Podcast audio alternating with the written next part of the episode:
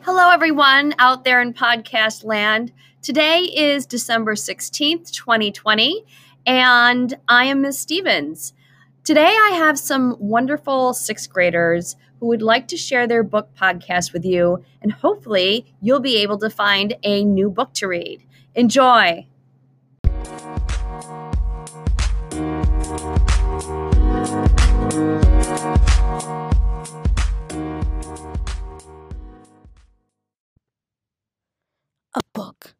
Baseball, emotion. What will happen? Hello, hello, hello. Max here for your ME Pleasantries. Today I'll be showing you a book called Satchel and Me by Dan Gutman. The story is about a kid who can travel through time, and him and his baseball coach want to see if Satchel Paige is the fastest pitcher ever. I would read a part this book, but unfortunately, I do not have this book. So let me tell you all about it. I was shocked when they were about to record Satchel's speed, and then the speedometer was shot. Do you know why? Maybe you should read the book. I like this book all, all in all. Favorite book that I've ever read. Um, this book ins- inspires me to be a pitcher, and maybe one day I will everyone should read this because it's not it's not just baseball. It's so much more. There a few things in the story seem fine until it happened. I'll give it five out of five Swedish fish in my book. Don't. Um, I say if you have to read this book, if you don't want to read this book, you're missing out. Like I said, it's more than baseball. It's emotion that goes into it. It's amazing. You'll find out all about it when reading Satch and Me.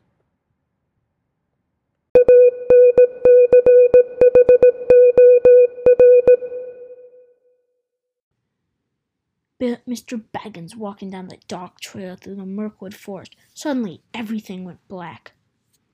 Hi, my name is Davis from Michigan, and I will be telling you about the book The Hobbit. The Hobbit is a story about Bilbo Baggins on a great trip to Lonely Mountain where a lot of treasure is. Now I will be reading you part of the story. Out jumped the goblins, big job goblins, great ugly looking goblins, lots of goblins. Before you could say rocks and blocks, there are six to each dwarf, even two to Bilbo. And they were all grabbed and carried through the crack. Before you could say Tinder and Flint, but not Gandalf. Bilbo's yell had done that much good. It had wakened him up in a splintered second, and when goblins came to grab him, there was a terrific flash like lightning in the cave. It smelled like gunpowder, and several of them fell dead. I really like this part of the book because it is very suspenseful and, a lot, action-packed. What is really surprising about this book is I read a little more about the author, and it found out and I found out that he made up another language on his, on by himself. Um, in The Hobbit, this language is mentioned, I'm pretty sure, and in the other, the other series, The Lord of the Rings. Nothing made me angry or sad about this book. Um, the one thing that I'm a little disappointed is I wish that the beginning could be a little more action packed, but um, it's okay. And I really like the movie, and I have read another great book like this called The Neverending Story, which you should really read. It's a really good book. People who should read, people who like adventure books should probably read this. And even if you don't like adventure books, you're probably missing out because this is a great book. And the movie's really good. Now, as the whole forest went black, Bilbo felt a sticky web suddenly. The lights turned on and his group was gone. I give it a unique 5 out of 5 fan dog box rating. See you tomorrow on the 31245696972547 million podcast show radio channel hosted by the best host Davis.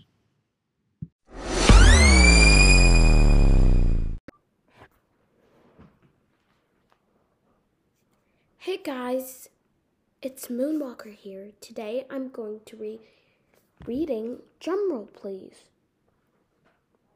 No, not drumroll.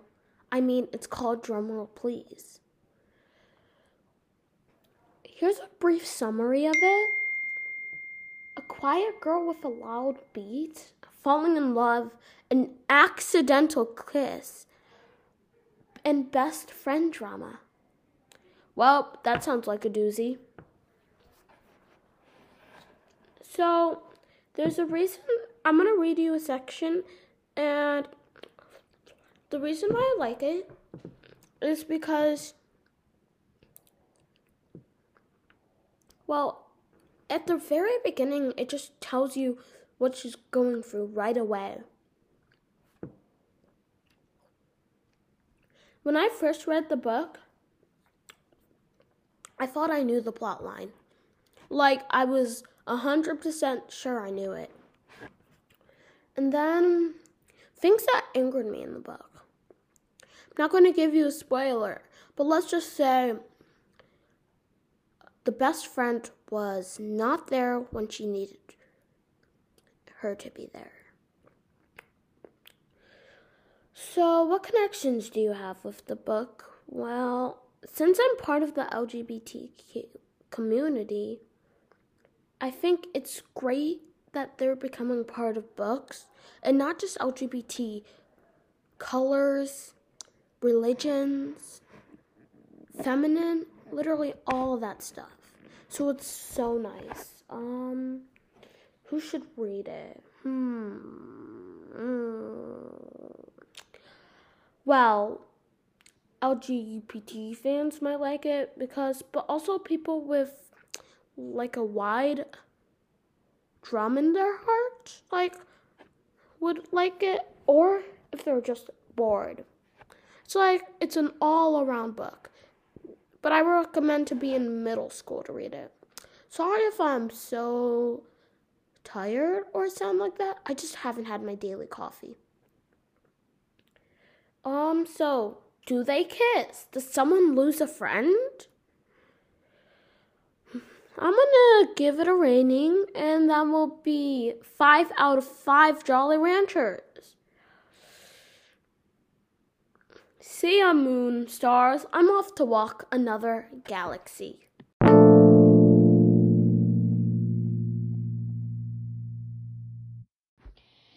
Hey guys, my name is Landon. I'm from Michigan. Today I'm going to read Scythe. This is Book Podcast 1, and the author of Scythe is Neal Shusterman, and its genre is sci fi. The chapter I will be reading is Chapter 9, labeled Esme. Here we go. Esme ate far too much pizza. Her mother told her pizza would be the death of her. She never imagined it might actually be true. The scythe attack came less than a minute after she was given her slice, piping hot from the oven. It was the end of her school day, and the daily trials of fourth grade had exhausted her. Lunch had sucked. The tuna salad her mother had given her was warm and mildly fermented by the time lunch rolled around. Not exactly appetizing. In fact, none of the food her mother packed for her hit high on the flavor scale. She was trying to get Esme to eat healthier because Esme had a bit of a weight problem. And although her nanites could be programmed to speed up her metabolism, her mother wouldn't hear of it. She claimed it would be treating the symptom, not the problem. You can't solve everything by tweaking your nanites, her mother told her. You need to learn self control. Well, she could learn self control tomorrow. Today, she wanted pizza. Her favorite pizza place, Luigi's, was in the food court of Fulcrum City Galleria, which was on her way home from school. Sort of. She was negotiating the cheese, trying to figure out how she wanted to take the first bite without burning the roof of her mouth. When the scythes arrived, her back was to them, so she didn't see them at first, but she heard them, or at least one of them. Good afternoon, good people, he said. Your lives are about to change in a fundamental way. Esme turned around to see them. Four of them. They were clad in bright robes that glittered. They looked like no one Esme had ever seen. She had never met a scythe. She was fascinated until three of them pulled out weapons that glistened even more than the bejeweled robes, and the fourth one pulled out a flamethrower. This food court has been selected for gleaning, their leader said, and they began their terrible mission. Esme knew what she had to do. Forgetting her pizza, she dropped beneath the table and crawled away. But she wasn't but she wasn't the only one. It seemed everyone had dropped and was scrambling on the floor. It didn't seem to phase the scythes. Scythes. She could see their feet, although the crawling crowd through the crawling crowd. The fact that their victims were on all fours did not slow them down in the least. Now Esme began to panic. She had heard stories of scythes who did mass gleanings, but until now she thought they were nothing but stories.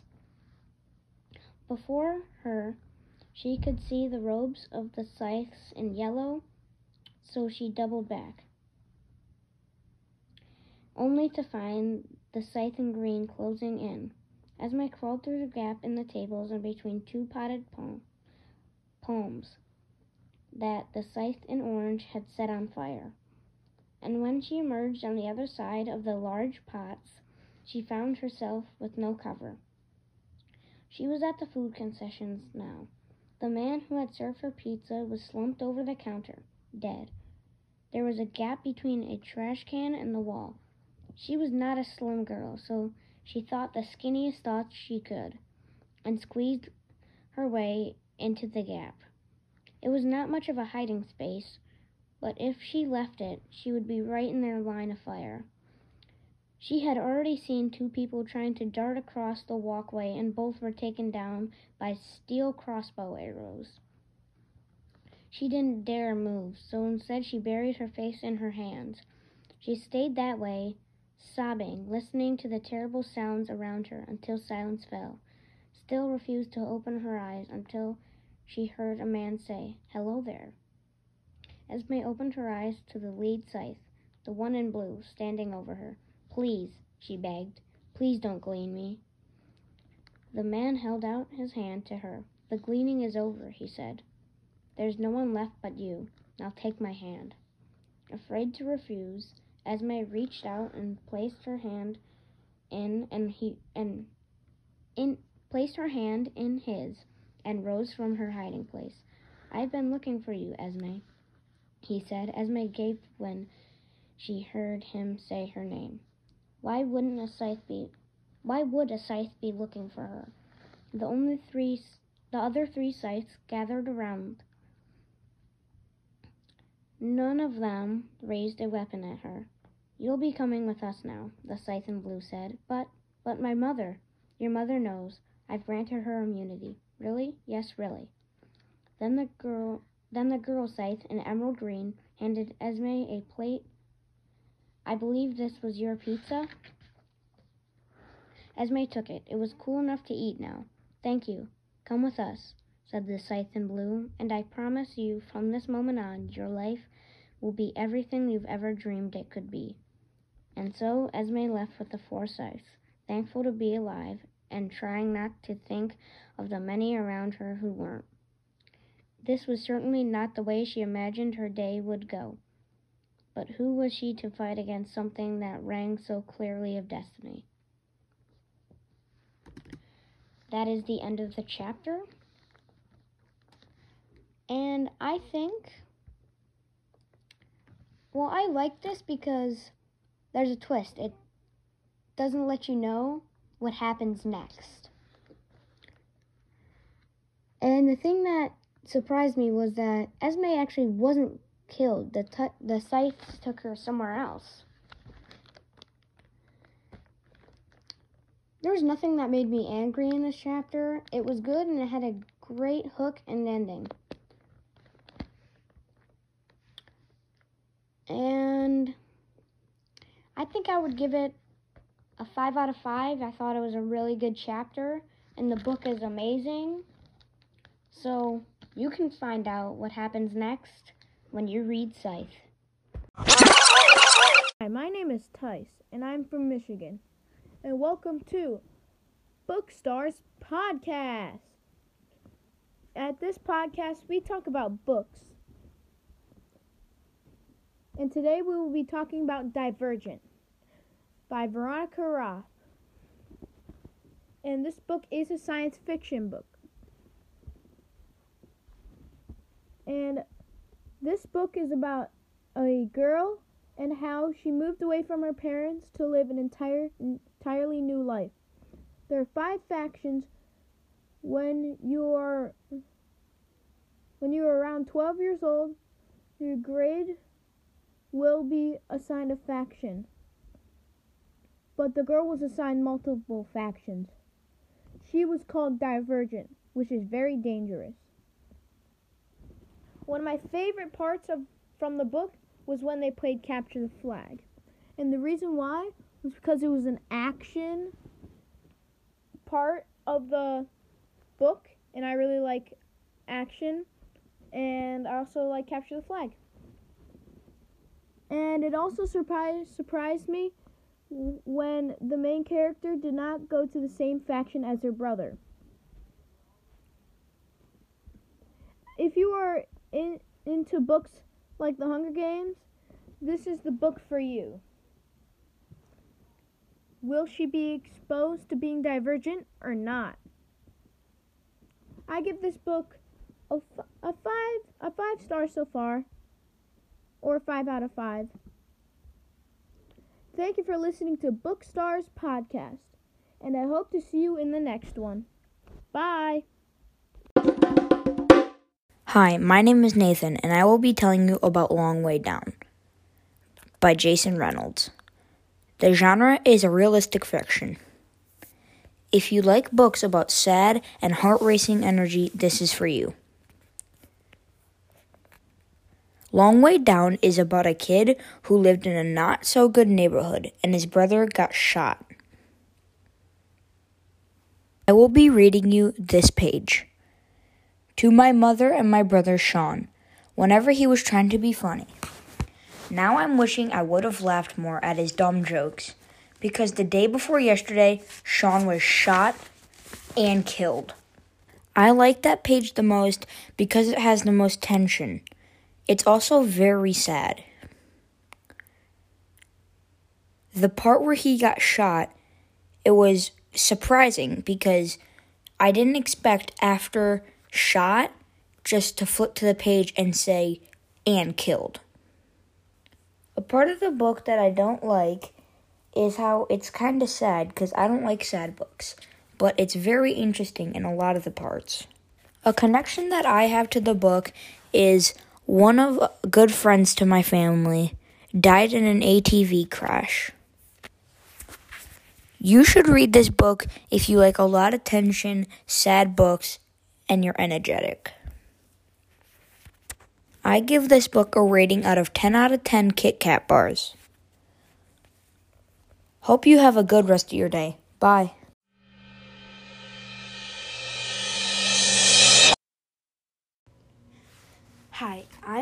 From Michigan, and this is Live with the Books. The book we are talking about today is Hero.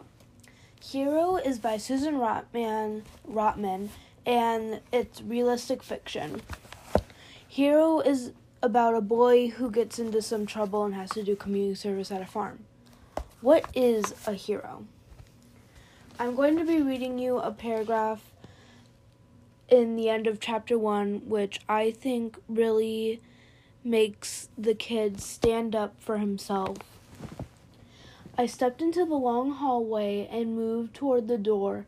Young man, get back here, Dr. Bushell nearly shouted. Halfway down the hall, I heard my father. Sean, you're not making this any easier. Ha! Why should I make anything easier for him? He could have. He could have. No, he should have. Just stayed away. I didn't need him. When I opened the door, I was blinded by the deceiving sunlight. It was cold. That part of the book was when Sean got into some trouble at his school, and the principal had to call his dad in which left years ago and hasn't spoken to him until then. It the book is very interesting to me cuz it's about like different things but all in the same thing. And so the ending really surprised me, and I thought it was really cool. My so basically, nothing made me angry or mad in the book. It was just like nice and sweet. The connection I have to the book is I love horses, and you'll figure out why I have this connection if you read the book later into the book. Um, who should read it is fifth graders to adults. I think would really love this book.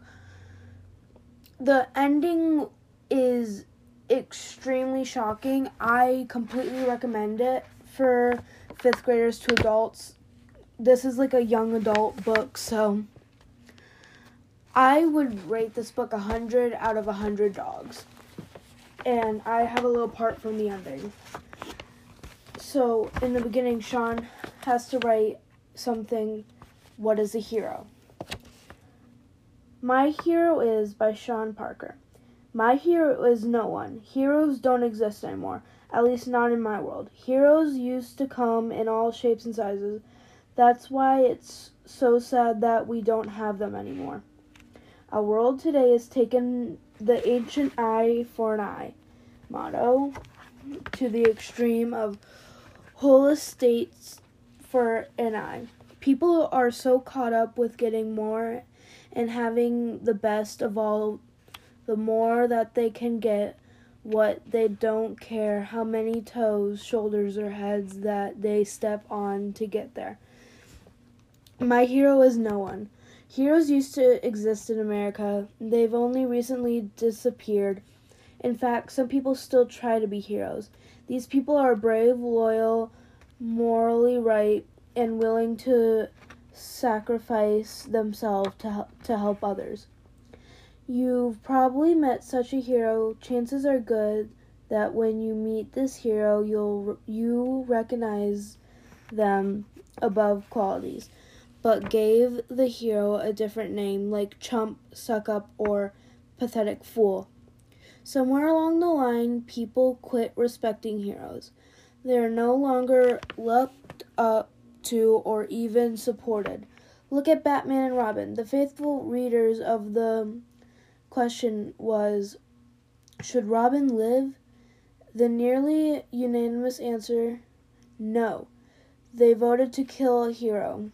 It was conclusive decision reflected on unconscious nationwide trend. And that was Live with the Books. Thank you. Will I give this book a good rating? Did I enjoy it? Well, if you stick around to listen, I'll tell you. Hi, my name is Viv, and the book I read is Whitebird. A kid who needed a report about his grandma. His grandma was telling him about when the Nazis came and she got separated from her parents. Now I will be reading you a section of the book. That day was the first time Vincent ever spoke to me. Hey, what did the little cripple give you anyway? My sketchbook. I honestly could not believe he was talking to me. Let me see it. Hey, you're a pretty good drawer. Oh, thank you. For a Jew. I was too shocked to answer. The this may sound strange given the times we lived in, but that was the first time I had ever personally experienced anti Semitism. I felt so humiliated, angry, hurt. Why I read that section to you was because it shows how much cruelty was pushed towards the one religion.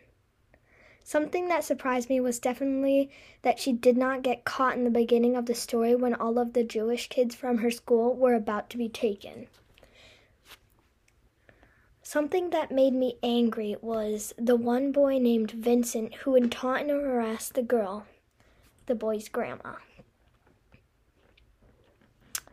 The connection I have to a book was I would have also been captured in this time because of my religion, and I really recommend people to read it who can handle a hardy book, mostly middle school and up, with exceptions. And the girl who confessed her love to this boy and she got her heart broken, but not by breaking up. I would give this book definitely a 5 out of 5 books because it was amazing and I recommend it to a lot of people. I am very gra- glad I live in this time and not earlier because things are a lot more easy for lots more people. This book was wonderful along with her other book, Wonder. I didn't expect anything less. Thank you.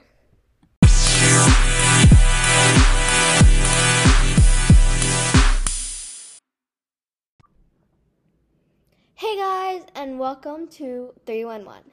My name is Zoe, and I will be hosting Book Talks. Yay! So, today we're going to be talking about three good and absolute treat books. The first book is really good. The genre is horror, and the author is Indiana, India, or Indiana, I don't know, India Hill Brown. The name is Forgotten Girl, and the author of Goosebumps seemed to read this because he or she said, This ghost story would haunt you. Yes, horror. And um, Forgotten Girl's cover is like, it shows an African American girl, black hair, black eyes, staring into your soul, and she has a white dress, and she's just standing there. And um, I will read some or all the summary. Here I go. On a cold winter night, Iris and her best friend Daniel sneak into the woods to play in the snow. There, Iris makes this perfect snow angel, only to uncover for crumbling gravestone of a young girl named Avery Moore. Soon, strange things start to happen to, to Iris. She begins having vivid nightmares, and she thinks she sees a shadow of a girl lurking in the night. Um, yeah. Interesting, right?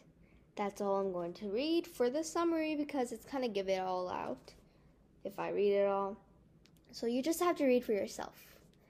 Um, the book appeals to fourth and sixth grade, fourth through sixth graders, and the reading level is sixth grade. I recommend this for fourth through seventh and eighth if you're still interested in these kinds of books. Um, that's it for Forgotten Girl. Now is Wish Tree. The genre is seems to be like mysterious and like wonder and it's a really good book, and um, it's about a tree, and the book is called Wish Tree again, and it's by a person named Karen Applegate. The authors seem to like, like, the perspective like is the tree talking about himself, and um, let me read the summary. My best friend, my close friends call me Red, and you can too. But for a long time, people in the neighborhood have called me the Wish Tree. There is a reason for this. It goes way back to when people, when I wasn't much more than a tiny seed with high aspirations. Um, people come from all over the town to adorn me with scraps, paper tags, bits of fabric, snippets of yarn, and occasional gym socks. Each offering a represent each offering represents a dream, a desire, a longing. Straps tossed tied with a bow, all hope for something better. Um, I think the gym socks part was a bit of a joke. yeah. I mean, it seemed like a joke to me. So, red seems to be really interesting and um, not full of himself. So, how many pages is like? It's been like two, two, two hundred, um, two hundred. ooh, 205 pages long, so it's not as much as Forgotten Girl because Forgotten Girl pages are is all the way to 250 pages. And um, the last book we'll be talking about. Oh, I forgot. That is a hardcover, and Applegate, um, I mean, Wish Tree, had um the. I forgot. The front of the cover is a tree with a owl looking down and a mama squirrel, a mama skunk and a baby skunk looking down, and a bird looking up at the tree. And it has uh, ties on the bow tied to the tree, bows tied to the tree, and it's like, it's really beautiful. Okay, now we're going to be talking about El Deafo. El Deafo is a is not a chapter book like the others. El Deafo is written by Cece Bell, who written and illustrated this book. It's about 233 pages long, and it is like a comic book. It has pictures in there, and I haven't read this all.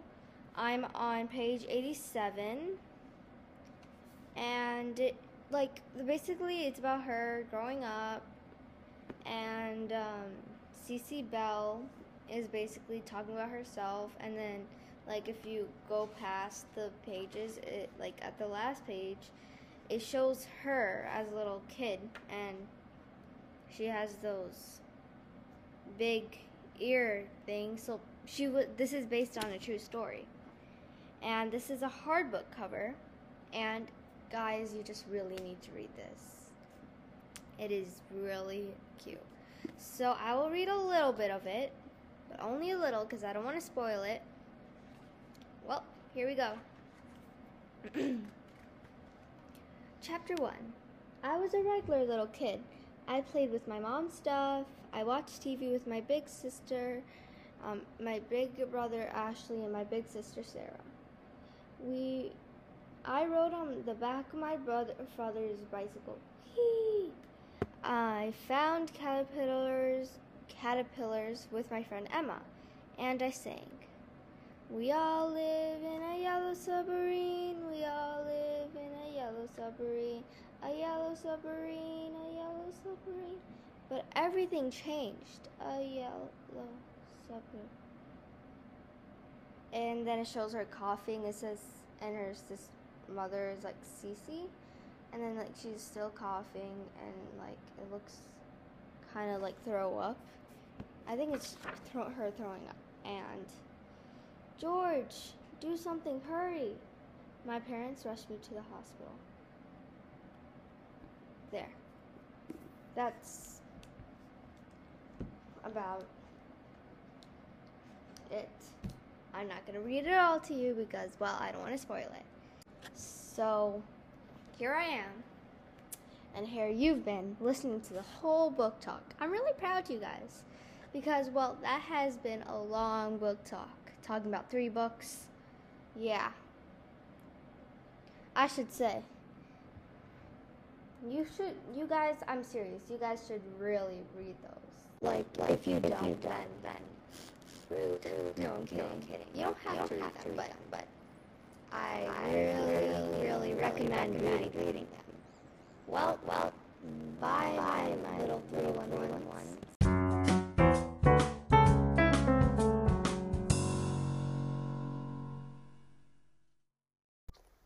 Um, hi. What's the book I'm reading? Oh, it's called The Shadow House by Dan Poblocki. There's four books, and I'm only on the first one, but I cannot wait to read the other four. It's such a good series. Yeah, of course I can tell you more about it. So, The Shadow House, do you like spooky, supernatural, like mystery books? You do? Oh my god, you'd love this book called The Shadow House. It is the first book out of the series of four, and I can't even get enough of it. It is so good. Here, um, do you want me to read you my like favorite page of the books? You do? obvious. Of course I'll read it to you.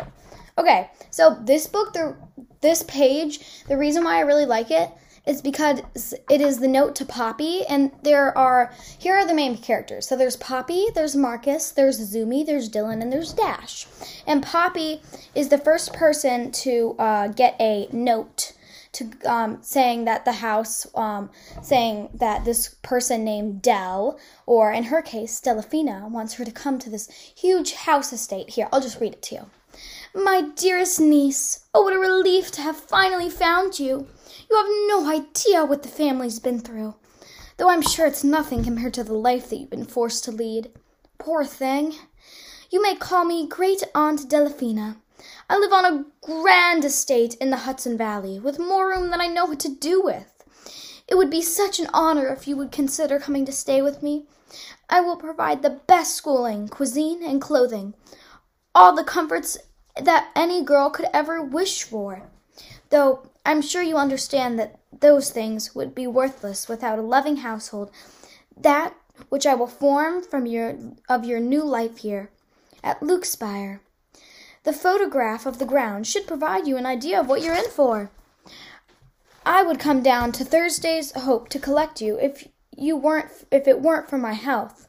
But please do let me know that if you've received this letter, I shall arrange for your travel for your immediate travel from the city. We've have so much to discuss. Yours truly and with love, Delafina Lukespire.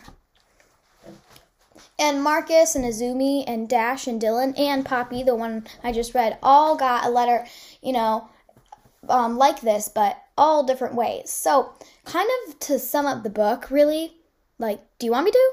Do you want me to sum up the book? Okay, good. You do? Okay, so basically, just to sum up this whole book, it's basically just without. I don't want to give you any spoilers though, because if you'd want to read this, then. Hmm, how do I put this?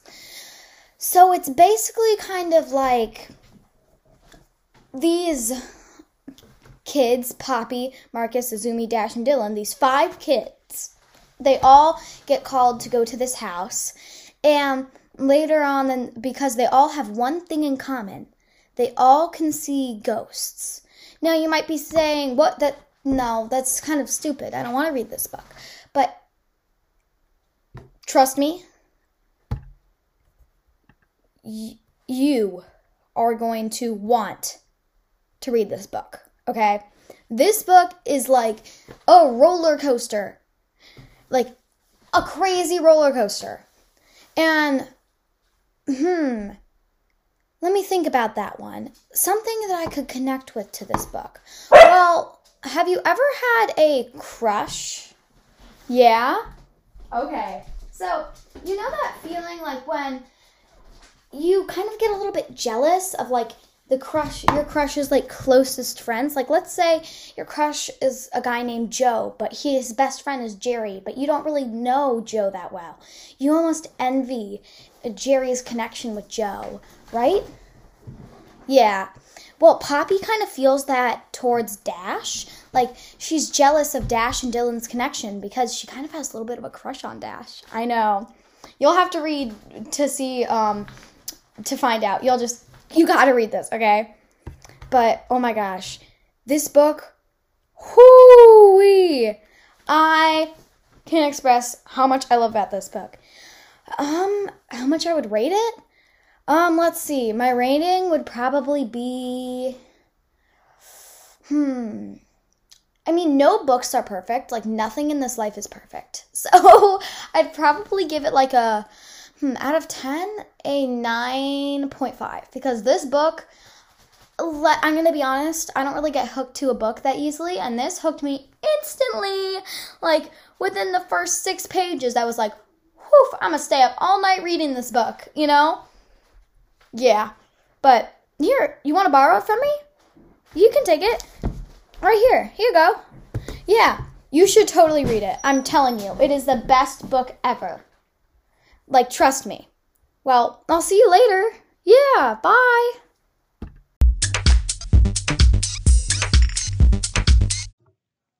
Uh, hello, my name is Jay, and I'm gonna do a podcast on spy school. So, this book is about a kid named Ben Ripley, and well, he's not having the best time at his average old middle school, but he's accepted into spy school, a place for kids from the age from 12 to 18 to start spying, to start learning to spy, and um, well, there's a in school, and the main reason Ben was actually elected was to flush him out.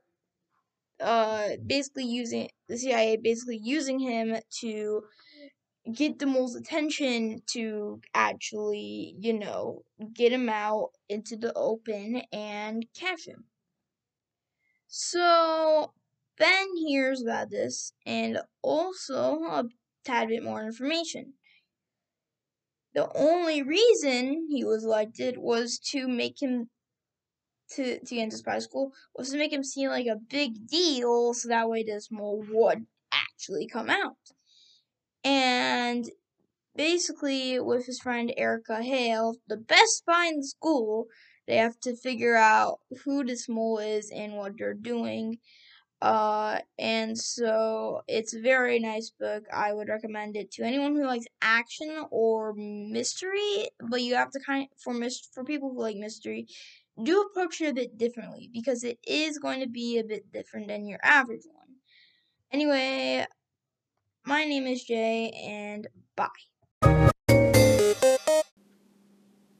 What would you do if a game you played every Sunday suddenly came to life? What if the game was about monsters, witches, and a shadow king who wants to destroy the world, and you found yourself and your three best friends battling them in real life? Well, what if? Hello there. I am Maisie from Michigan, and this is my book, The Revenge of the Shadow King, Grey Griffin's Book One. This is an amazing fantasy book about Max Sumner of Avalon, Minnesota, and his friends. When Max finds a magic book in the strangest of places, he starts to read it and lets out monsters from the pages. Soon the group of sixth graders find themselves searching in old cornfields looking for ugly blue monsters, spying on an a thousand year old witch, and facing an enemy they could never hope to defeat Oberon, the Shadow King. Here's a short section I chose to read. Max Sumner peeked over his bed sheets, paralyzed by fear. Something was in his bedroom, something bad. Underneath the familiar shape of his desk that was strewn with comic books and baseball cards, something lurked. He couldn't see it yet, but he could hear it breathing. A flash of lightning, and he could see the monster creeping toward him, claws scraping the wood floor of his bedroom. He opened his mouth to scream, but no sound came. He tried to jump, but his legs wouldn't move. Another flash of lightning, and the monster was right next to Max, reaching his hungry claws toward his throat. This is my favorite section because it is suspenseful, thrilling, and will keep you on your toes. In the book, the thing that probably surprised me most was where Max found the book. The book is called the Codex Spiritus. There wasn't really anything I didn't like about this book. I think that this book is a definite 5 out of 5 dragon scales. People that love fantasy stories like Harry Potter, or people who like thrillers like A Monster Calls, will definitely enjoy this book a lot. So, back to the question at the beginning What would you do? Find out with Max Sumner in The Revenge of the Shadow King, Grey Griffins, Book 1 by Derek Benz and J.S. Lewis.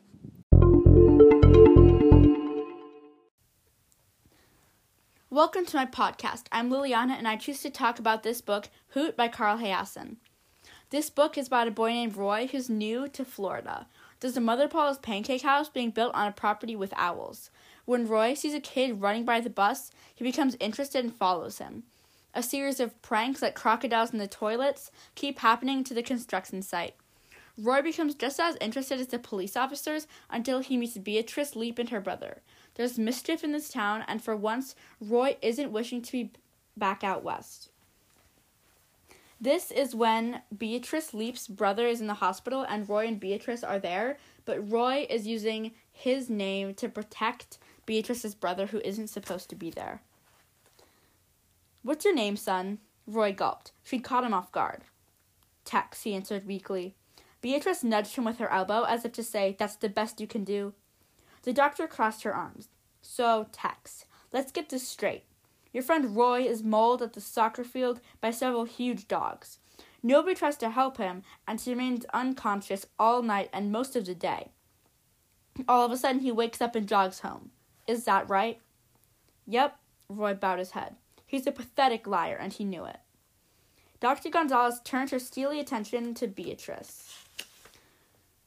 Was why was it left for you to bring your stepbrother here? Where are your parents? Working, Beatrice replied. Didn't you call them and tell them there was a medical emergency? They crew on a crab boat, no phone. Not bad, Roy thought. The doctor, however, wasn't buying it. It's hard to understand, she said to Beatrice, how your stepbrother could go missing for so long and nobody in the family is concerned enough to call the police. And this is when Roy's parents are trying to visit their Roy, who they think is in the hospital. I'm Dr. Gonzalez. Where do you think you're going? To see our son, replied Mrs. Ebenhart. I tried to stop them. The desk clerk piped up. You're Roy's parents? The doctor asked the Ebenharts. We are, Roy's father noticed, Dr. Gonzalez eyeing them with an odd curiosity. Pardon me if this is out of line, she said, but you sure don't look like you work on a crab boat. What on earth are you talking about? Roy's mother said. Is everybody at this hospital a total wacko? As they opened the hospital curtain door to see the Beatrice's brother, they noticed that Roy was gone. Finally, Mrs. Ebenhart gasped, Where's Roy? Dr. Gonzalez's arms flapped helplessly. I just, I really, I don't know. You don't know? Mrs. Ebenhart interrupted.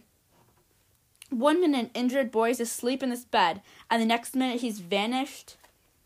Mom, Dad, I'm right here. The Ebenharts practically smothered their son with a tandem hug. Little devil, chuckled Officer Delinko, holstering his radio. Whoa! Dr. Gonzalez clapped her hands sharply. Everybody, hold on a minute. The Ebenharts looked up quizzically. The doctor didn't seem especially overjoyed to have found her lost patient. That's Roy? she asked, pointing at their son. Of course it is. Who else would it be? Mrs. Ebenhart kissed the top of her head. Honey, you get back into that bed right now. Not so fast, Mrs. Mr. Ebenhart said. I'm not sure what's going on here, but I've got a feeling we owe the doctor here an apology. I like this section because I think it's funny that the nurse was suspicious and that Roy's parents had showed up to the hospital and Roy was in the waiting room and the real patient had escaped. And I was very surprised that in the story the police officers didn't catch the real culprits that were vandalizing the property of Mother Paula's because they were very close to ending up in jail. I think if you like realistic fiction with life action, then this book is definitely for you. And after the pancake mystery is solved, Roy loses the boy again. He could be anywhere, but Beatrice won't give a clue to where he ran away. And I rate this book 5 out of 5 pancakes. I'll be back when there's another mystery to solve at Mother Paula's Pancake House.